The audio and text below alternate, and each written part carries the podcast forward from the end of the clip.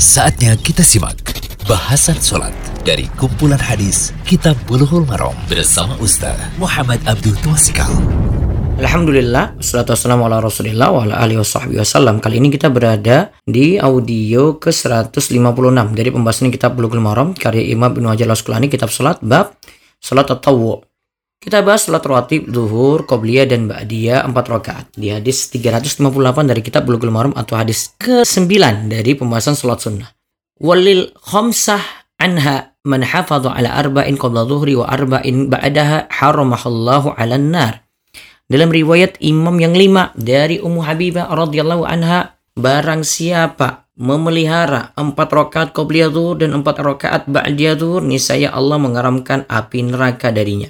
Hadis riwayat Abu Daud, Tirmidzi, An-Nasai, Ibnu Majah, Ahmad, Syabdullah Fauzan mengatakan bahwa hadis ini memiliki banyak jalan dan hadis ini sahih.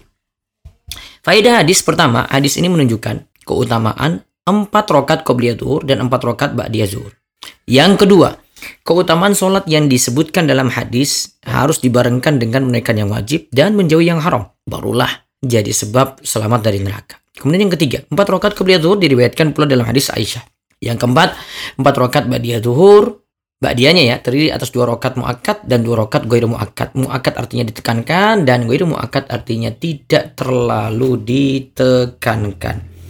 Nah, semoga jadi ilmu yang manfaat dan Allah beri kemudahan untuk menjaga sholat-sholat sunnah dan kita semakin dekat dengan Allah dan mendapatkan pertolongan Allah.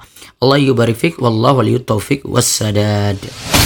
Demikian bahasan sholat dari kumpulan hadis Kitab Bulughul Maram bersama Ustaz Muhammad Abdul Tuasikal.